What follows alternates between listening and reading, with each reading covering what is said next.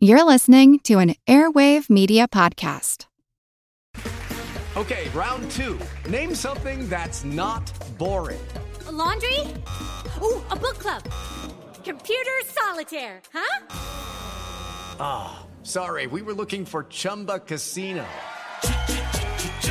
That's right. ChumbaCasino.com has over 100 casino style games. Join today and play for free for your chance to redeem some serious prizes. ChumbaCasino.com. No purchase necessary. Full prohibited by law. 18 plus terms and conditions apply. See website for details. As a longtime foreign correspondent, I've worked in lots of places, but nowhere as important to the world as China. I'm Jane Perlez, former Beijing bureau chief for the New York Times. Join me on my new podcast, Face Off US versus China, where I'll take you behind the scenes in the tumultuous US China relationship. Find Face Off wherever you get your podcasts. This is Kick Ass News. I'm Ben Mathis.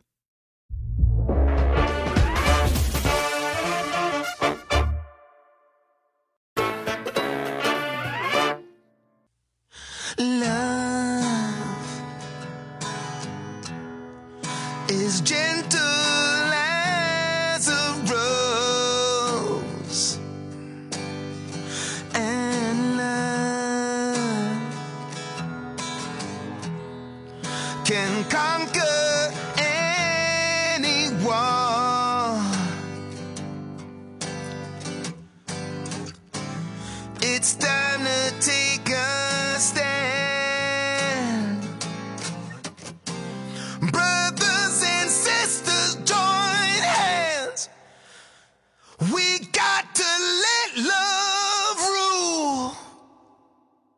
That was Lenny Kravitz singing the title track from his 1989 debut album, Let Love Rule.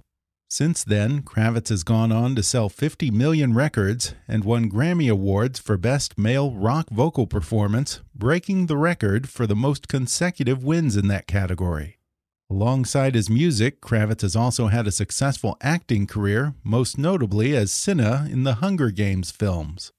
Now, in his new memoir, Let Love Rule, he reflects on the 25 years leading up to his first album and tells the story of a wildly creative kid who, despite tough struggles at school and extreme tension at home, found salvation in music.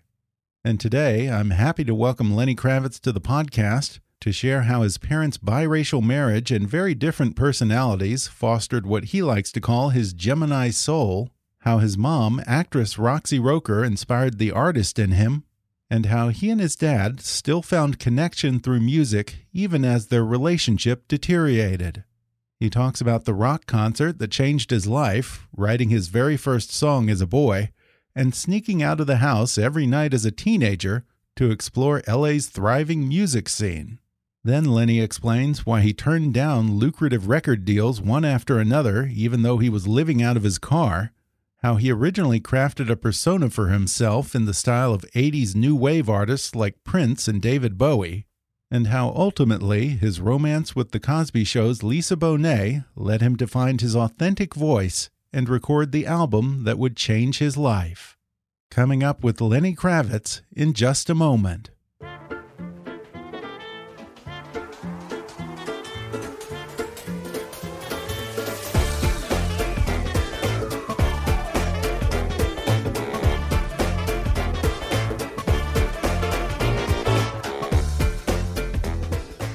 Lenny Kravitz is a multiple Grammy Award winning musician who has sold some 50 million records over a career spanning three decades. Now he's out with a new memoir titled Let Love Rule. Lenny Kravitz, thanks so much for joining me. Hey, how you doing, man? Yeah, good to talk to you. I love the book. Thank you. And I want to start more or less around the beginning. Uh, your parents were a biracial couple. Mm -hmm. Your dad, Sy, was a white Jewish man in the news business, and your mom, Roxy Roker, was mm -hmm. black, Christian, and an actress. Talk a little bit about them and how those very different backgrounds and personalities influenced you growing up. Um, you know, they were both uh, people that were into the arts. Mhm. Uh, you know, they were both living in New York City. They were both working at uh, 30 Rockefeller Center. Uh, my father was, uh, you know, a journalist working with NBC News, uh, producing, assignment editor, um, and uh, my mother was a secretary for an executive there. Um, that was her day job, and then at night she would go and do theater, uh, off off Broadway, um, off Broadway uh, at the time before she actually made it to Broadway. You know, this was the time in the in the in the mid '60s when New York City was vibrant, the culture was vibrant. You know, and at the same time, they were an interracial couple. They had their challenges, uh, obviously, but it was a magical time. And and for me, growing up that way was an amazing education because I was around not only our family, but so many different people from so many different walks of life that I had no understanding of prejudice. Not until I went to school was that ever even a conversation. So uh, it was great. And then also growing up with parents that are, that are into the arts uh, was a great advantage because they were willing to take me out a lot. They wanted me to see and hear what was going on. So I was very fortunate that I had parents that that were willing to share that with me and didn't want to just leave me at home with a babysitter. Now, of course, if it wasn't appropriate Yeah. or it was, you know, too late, whatever, okay, you know, I wouldn't go. But I went to see and hear uh, a lot of different things, and that was the beginning of my of my education. Early on, it, it seems like you were almost predestined to go into music or something artistic because you grew up just I- surrounded with all of these famous friends of your mom's, these godmothers and sort of pseudo aunties, right? Tell us about Mhm. them. Well, I always say I didn't really have a choice. Like, I mean, obviously it chose me, but when I look back at my path, I just see that every stop was monumental and again a part of the, of that journey that would lead me to being an artist. And yes, having all these wonderful people and you know godmothers and and and and and friends and you know that were all doing amazing work. I mean, these were pioneers in their fields. Yeah, I should say so. Cicely Tyson and Sarah Vaughan were your godmothers. And you talk about how your parents would introduce you to musicians like Duke Ellington and Miles Davis. It's incredible. Mhm. Uh, Now, I want to go back to the issue of race for a moment. Your family was lucky enough to live in more open minded, tolerant places like New York and LA. But I Mhm. wonder if you were aware, either directly or maybe through stories, of the kind of bigotry that they must have encountered. Or even when you yourself first realized that some people might have a problem with you just because of the color of your skin. Yeah, I mean, I mean, yes, it was more tolerant than the South. You know, I mean, my mother came up from Florida, uh, you know, with her parents, uh, with, and my grandfather came from the Bahamas. But uh, yes, it was the North. It was New York City. Uh, it was more accepting, but you know, they still had problems. They Mhm. still had issues, and as we do now in 2020, Yeah. you know, which is hard to believe. And and then of course we went to LA in '75 Mhm. um, and my mother, you know, oddly, my mother was chosen to portray, you know, her sort of life situation on the Jeffersons, which, which she was going to play, uh, you know, one half of an interracial couple, the black wife of a of a white man. It was the first interracial couple on primetime television. It was the first interracial kiss on primetime television, and it was a thing. I mean, I, I remember, you know, at that time in the '70s, you know, my mother getting mail, her co-star Franklin Cover, who played uh, Tom Willis, her husband on The Jeffersons. You know, they used to get really disturbing mail. The show itself used to get mail uh, from people that just could not deal with that uh, at that time. So, like I say, it's just very interesting that she would be playing that Right. part. Yeah, yeah. Boy, Mhm. talk about method acting. Yes, yes. And your mom was, in addition to being an actress, just something of a parenting and psychological genius, I think, because she invented this creative way for you to talk about your problems in a way that you might not want to or be comfortable discussing with her if it were if you were talking to your mom. Uh, tell us about that. Who was rough, rough? it was pretty it was pretty ingenious you know she she knew that I had to express myself and that it was important, but that I might not necessarily want to say everything to my mother. Mhm. So she created this character when I was around four years old uh, called Rough Rough, and Rough Rough was a magical dog um, that that I could talk to and tell my you know feelings to, and we would discuss it. So she devised this this whole operation where I would have to say abracadabra, and then she would say rough rough in this voice, you know, and she would turn into rough rough, and my mommy was gone, right? And rough rough would talk to me, and she, you know, she had on she took on this character. Rough rough had a completely different body language than my mother, a completely different voice, and I believed it. And I would speak with rough rough. Rough rough would ask me how I felt and about things, and would would would prompt me to to express myself and to talk about things that I might not be comfortable talking to my mother or my father about. And uh, and then after we would have these discussions, then I would rough rough would say, "Okay, we're we're done. We're good. You know, you've said everything you want to say. We, yes." And then uh, I had to say abracadabra again, and then uh, instead of saying rough rough, she'd say mommy, and then mommy was back and then it was it was like oh like there you are and uh it, it, you know it was a really smart way uh for her to get me to to talk and to to let my feelings out Yeah, it's a remarkable amount of insight into how kids operate and how they think, Mhm. and I guess their acting skills played into it too. yeah because as, as as as a yeah as a four and five year old you know Right. uh you know i'm completely believing that that's not my mother at that point yeah Now, this is sort of in contrast to your dad's approach, which was more gruff, I guess more drill Mhm. sergeant like. And Yes. you talk later in the book about that strained relationship and how he led to you moving out at a pretty young age. Now that you've had the experience of being a father, I wonder if that's given you any deeper understanding of why he was the way he was. you know, I think even when we get older, we grow up. You know, because we grew up as kids with our parents, you know, when we're kids, we think our parents are perfect. They know everything. They're they're adults. Adults know everything. Adults do everything right. You know, we're kids. We don't. Um, and then you learn that that is not so. um, Yeah. But I think that, for me at least, I can speak for myself that still as an adult, you still hold on to that image of them of their your parents, and they're supposed to be a certain way, hmm and they're just like us, man. They're just like Yeah. everybody else doing doing the best they can. They got Yeah. problems and faults and all kinds of things. And anyway, it's just very interesting to uh, have this healing and to sort of get reacquainted with my father and Mhm. and be able to love him in a in a way that that perhaps I couldn't go to Yeah. that depth when he was alive. And the fact that he's not here does not play part hmm in that. And that's what's amazing about energy and spirit.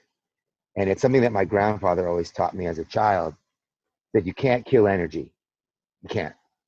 And he was talking about the spirit that was one of the things he was talking about and so the fact that my father is not here physically doesn't keep me from growing with my father or having a newfound feeling for Mhm. him and being able to express it so um Yeah. you know if i get anything from writing this book like wonderful that people like it wonderful that the new york times i mean wonderful wonderful i'm i'm i'm grateful and appreciative but the real gift um was going through the process and and having these kind of experiences through through the Mhm. exercise So it sounds like there was an element of catharsis in writing the book. you know i i think through through writing this book a lot of those questions were answered Mhm. um, you know, before my father died, um, which was about 15 or so years ago, we made peace. So we got to a place of peace. But there was still questions, there was still communication that I felt wasn't achieved. And I still had feelings about certain things, even though we were cool. And in writing this book, I got great healing in regards to the relationship with my father. Um, I got to see him as a character because everyone in the book is a character. I'm a character. When you're writing this book, you know, you're, you're backing up, you know, and you're seeing everybody as a character and how they're going to move around and and and relate and all. I mean, it's all true, but you you you have you go through that process, and I got to see him as this man who was doing the best he could with what he had based upon his childhood and his experiences and him growing up uh, and all of a sudden any judgment or feelings that i was harboring disappeared it just dissolved Wow. and i had compassion for him And despite that troubled relationship with your dad, you say in here that your mutual love of music and specifically jazz was pretty much the one thread that kept the two of you connected. Mm-hmm. In fact, he took you to your first concert at Madison Square Garden. Was Yes. that really the moment when you became determined to go into music?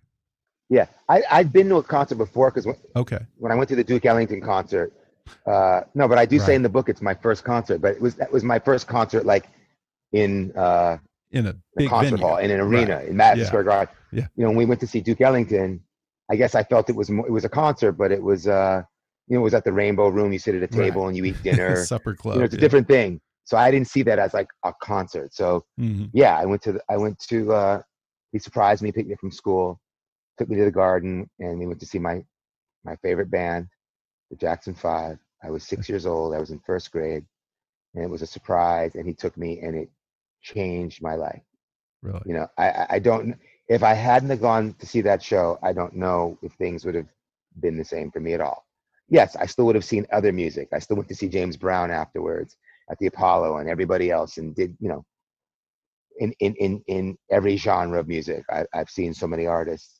um, and been around them growing up with them from miles davis on up but that night really did something to my dna you know and uh, so if my father didn't have the insight and the love to take me to that show, you know, who knows where life would have gone because that was Yeah. that was that that was that spark. The way you describe it in the book, it sounds like you were a huge fan of the Jackson Five. Uh, Did you want to be in the band, or maybe fantasize that you could be the oh yeah, I was Jackson I was? I was I was Lenny Jackson for sure. I, I used to write that on my notebook. Really? uh, and I used to I used to fantasize that I was the uh, you know the long lost brother, and they found me now. You know, I was put up for adoption or something, and now and now they found me, and now I'm going to join the group. You know, I'm going to get my outfit, I'm going to learn the routines, and I'm going to be you know be on that lineup with Jackie and Tito and Marlon and and and and uh, and Jermaine. You know, with Michael up front. And I believe that concert was what inspired you to write your very first song when you were just a kid. I want to say that it was titled "I Love You, Baby." Uh, was "I Love You, Baby" a pretty good first I mean, effort doesn't for get a much doesn't get much better than that, does it? I know? It I love you, baby. That's it. Yeah, when you're when you're when you're in you know second grade or wherever whatever I was third grade I don't know yeah. yeah uh, I love you baby kind of does it and yeah this this kid across the street had had a, a Fender Stratocaster and and a and a Fender amp and and I used to go over there and you know play with him uh, and uh, yeah we wrote I love you baby Do you remember how it goes?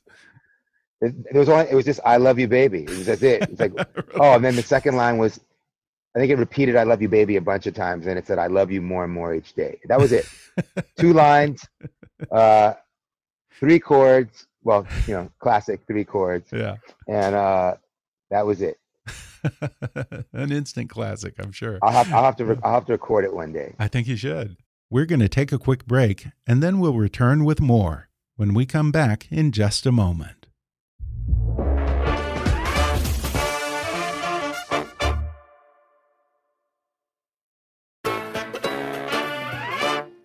And at a certain point, I want to say toward the end of elementary school or beginning of junior high, your mom moves out to California to pursue TV and film.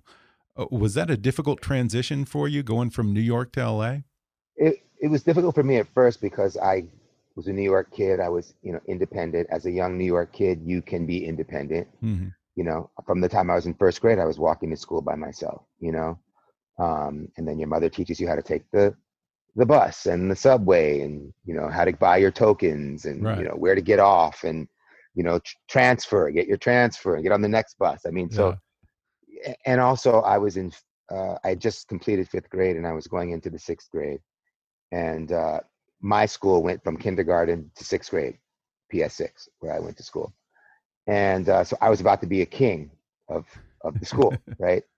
Uh, kings and queens you know if you when Yeah. you got into the sixth grade and uh, now we're we're moving what after all that and then i so that was already weird to me and then i get to la and uh, you know we moved to santa monica california and i wake up the next morning i look out the window and there's no one on the street not a soul Yeah, not one person walking the street. So this is 1975, Santa Monica. It's way more mellow. I, I you know, where's all the people? What's going on? And then there's no subway.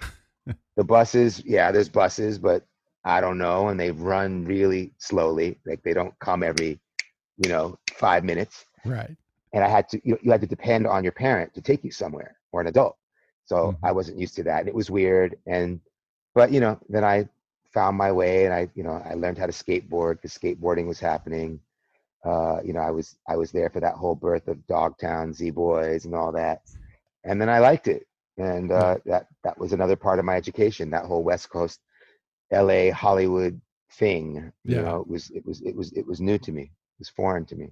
Uh, Yeah, your mom gets cast in The Jeffersons, and it, it ends up being a great opportunity for you because you have this whole studio backlot for a playground. And this was in the 80s, which was sort of the high point of TV sitcoms. So you had all these other iconic shows filming on the lot. Uh, that Oh, must yeah, have been a this was- fun time for you, too. Yeah, late seventies, early eighties. It was like Good Times and the Jeffersons and you know, Mm-hmm. Of All in the Life, yeah. Family, One Yeah. Day at a Time, Yeah. uh, Diff'rent Strokes. Yeah. Show Facts of Life, you know, and Maude, and, you know, Norman Lear, man, genius. Yeah. Uh, you know, the sitcom king. And, and you were right uh, in the middle of it all, huh?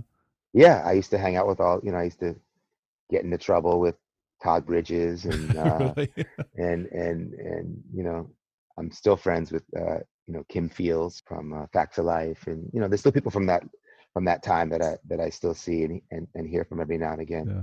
But yeah, it was a lot of fun, and uh, just got to see and and and experience so many things. I actually remember one day roaming the lot. This is when my mom they moved from Metromedia in Hollywood on Sunset and Van Ness to Universal Studios. And one day I was just roaming the lot, and the door was open just a little bit, and I walked in, and I just stood there at the door, and I watched this scene. It was a shootout scene, which I later found out was the end scene to Scarface Oh, wow. The one- really? the one where you know he's up on the balcony of the- Yeah. the stairs. yeah. and he finally gets shot, and friend. the stuntman falls into the Yeah. pool with the. I watched Really? part of that scene being filmed, having no idea what it was. yeah, Um, yeah. so That you- was not you- not you- exactly PG. for- No, it was quite. kid in It was, quite- it was, it was a lot. It was a lot to watch, but Yeah. Um, so you know, you were always seeing and finding uh, things as a kid, you know, on that lot. Yeah, it must have been a blast. And around this time, your mom encouraged you to audition for the prestigious California Boys Choir, and you got Mhm. accepted.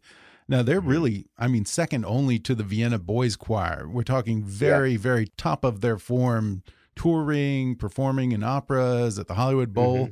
Uh, did you learn things about music and technique in that experience that have served you in your career? Yeah, I also would not be would not be here if I hadn't met uh, Mr. Neslund and Mr. Rogers, the Mhm. two uh, directors of the California Boys Right. Choir.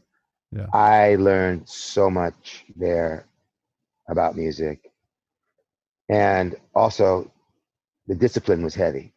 It was very heavy. They they were not playing. This was serious, and you know we were being trained to to to sight read. We were being trained, you know, vocal technique. We were trained uh, to sing in 15 different languages because you're doing all these operas and symphonies and they're every language you know french german uh, latin uh, whatever it might be. And my first concert was the, as you said the hollywood bowl. The hollywood bowl was the opening night of the season. It was the mahler third symphony with the los angeles philharmonic. Wow. uh, being conducted by uh, Eric Leinsdorf, great conductor. I recorded with Zubin Mehta, that same that same piece, Mahler Third, we recorded that uh, with the great Zubin Mehta. Uh, I performed in about twelve different operas. Carmen. Uh, oh, we have a helicopter. Uh, Even on a private island in the Bahamas, the paparazzi still uh, finds they're, you. coming- huh? they're looking.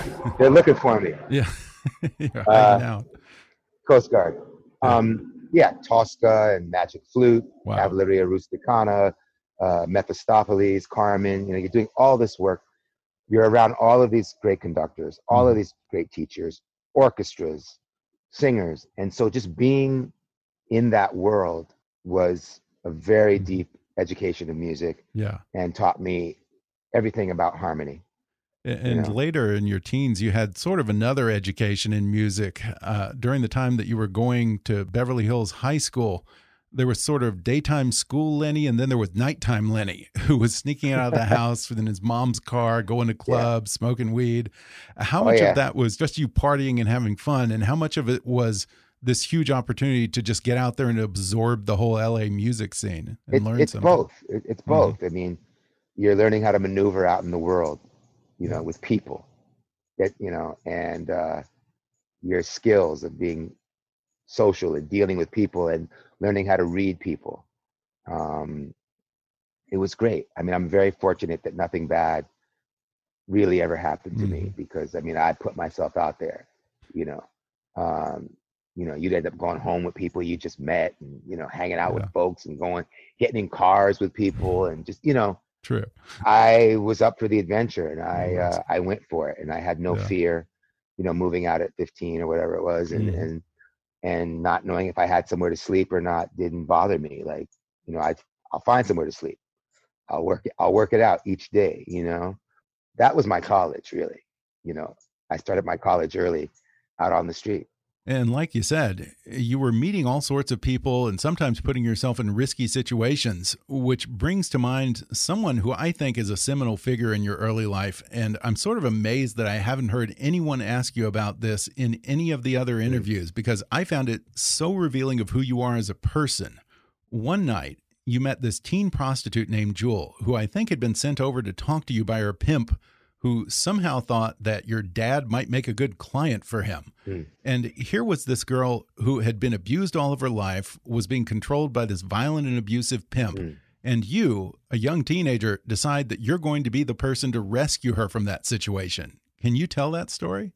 Uh, she was a young girl who was in a very serious situation uh, out there on the street, and uh, yeah, we met, and I we we we saw each other's hearts, and uh, I realized the trouble that she was in, Mhm. and wanted to take her away from that, and did everything that I could, from stealing my mom's car Yeah. at night and going uh, over to the valley to to help her make her escape from the person that was controlling her at the time and uh it was a it was uh yeah i again i i i put myself in situations and i you know i i led with my heart you know i always led Yeah. with my heart and uh you know i thought things through to some extent but regardless of the of the danger that i could be in Mhm. I, I wasn't concerned with that.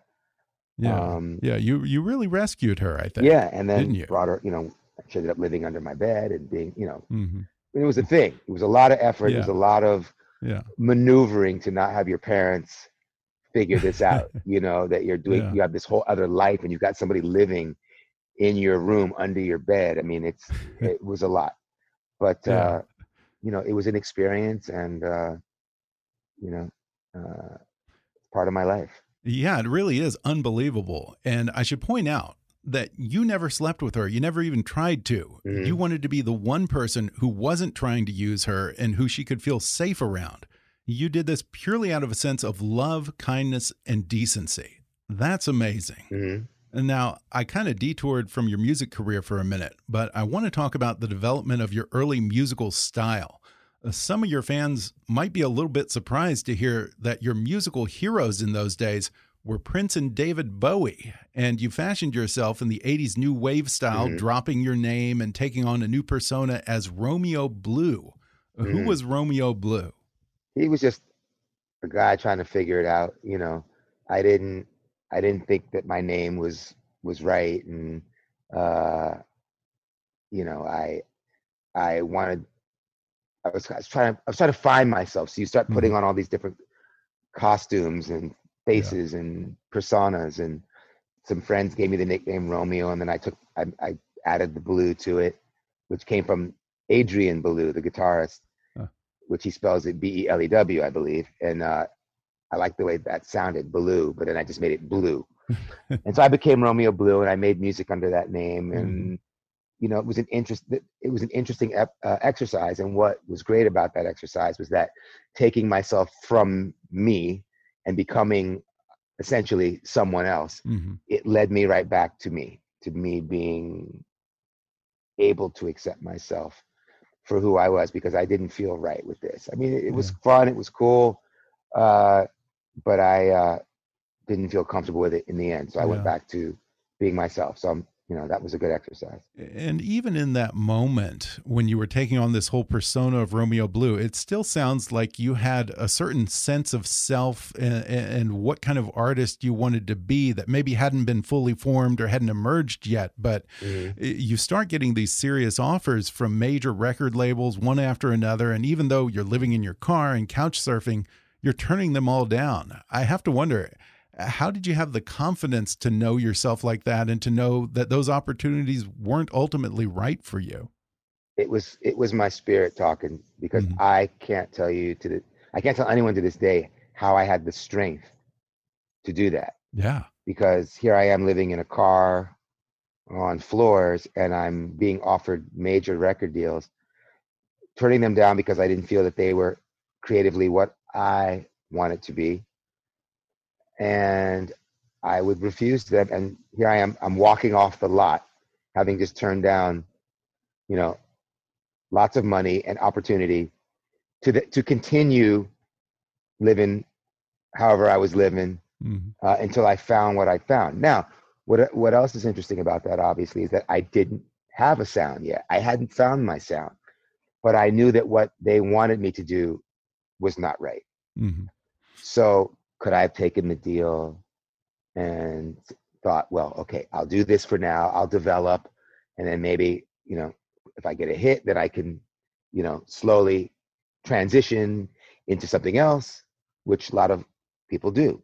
Um, everyone doesn't get the opportunity to do what they want when they first sign. You know, Mhm. they want to get their foot in the door, Yeah. um, and it, you know, perhaps achieve some level of fame and then you know do whatever. But for me, I couldn't do it. My spirit wouldn't allow me to do it. Uh, I had Yeah. to be me. So I turned those deals down, and not just one, but two, three, four, and five of them. You know, wow and uh, people thought I was crazy and stupid, um, and understandably so. Mhm. Um, but it all it all worked out. yeah yeah yeah it did and eventually you had this kind of turning point both for you personally and musically when you met and fell in love with lisa bonet uh, Mhm. how did your music and even your outward image transform from that relationship I ended up in, in just a, a, a magical place. Mhm. Uh, the two of us had a very magical life and love story and experience. Not only did I love her, I mean, I, I, I I admired and respected everything about her Mhm. As an as a person and as an artist and as a spiritual being. So I you know, and I saw I saw myself in her. You know, I felt that we were mirror images of each other. Being in that place, you know, somehow opened this portal Mhm. to bring on that first album, to bring on Let Love Rule, yeah um, which would be the beginning of my sound and my and my message. yeah uh, yeah how did that song come to you Uh, you know, I was working on the album. I was already probably almost finished with the album, and where I was living at the time on Broome Street in New York in this loft, uh, between my door and the elevator door, I wrote on the wall "Let Love Rule" one day, just because I don't know, it just came out of me, right? Hmm. And I, but I didn't think anything of it other than just like I was writing something on the wall, and I kept passing it anytime I'd come or go. You know, I'd pass it and look at it, and then one day I came in And I remember looking at it and I walked in the door and I went straight to the guitar and the song came out of me. And then I quickly got a cab, had to call my engineer, try to get some studio time, uh, and went and recorded it right away after right after I'd written it. Yeah, I think you said that writing became much less of a struggle after you met Lisa, Oh, right? Yeah, the, the music just came. Hmm. Yeah, music just came to Wow. me. Yeah. And you played all of the instruments on that album. How did you make that decision? Yeah, most of them. Yeah. Oh, Well, most first of them? all, I couldn't afford it when I made Okay, that first record. so I couldn't afford to pay people because I made that record without a record company. My engineer, who had heard who had heard me play different instruments, just messing around, said, "I've heard you play all these instruments. Why don't you just do it yourself?" And I thought, "No, that's boring. I don't want to do that." You know, but I had no choice, and so I said, "All right, I'll play all the instruments."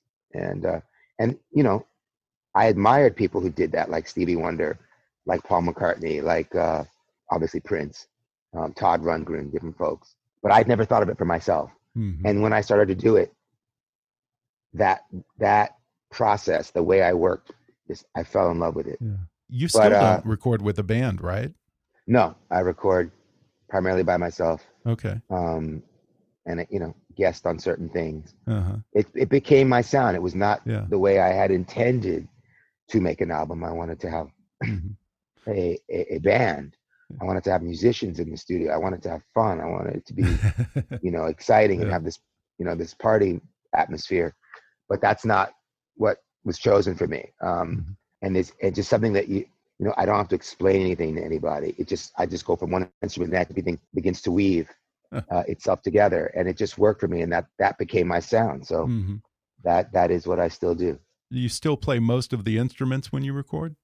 Yeah, all Wow. all or most. Yeah, absolutely. Wow. You're a one man band. I'm I'm I'm in the studio now, working on a on a record, and uh, still doing it, still loving it, still Yeah. just as hungry and excited uh, to make music as I was when I was in high school. You know. Plus, I imagine it makes it a hell of a lot easier to record during quarantine. Yeah, yeah. You can you can be by yourself. and Mm. stuff. And when you wrote Let Love Rule, some music execs kind of didn't know what to make of you. Uh, they said that your music wasn't black enough or it wasn't white enough.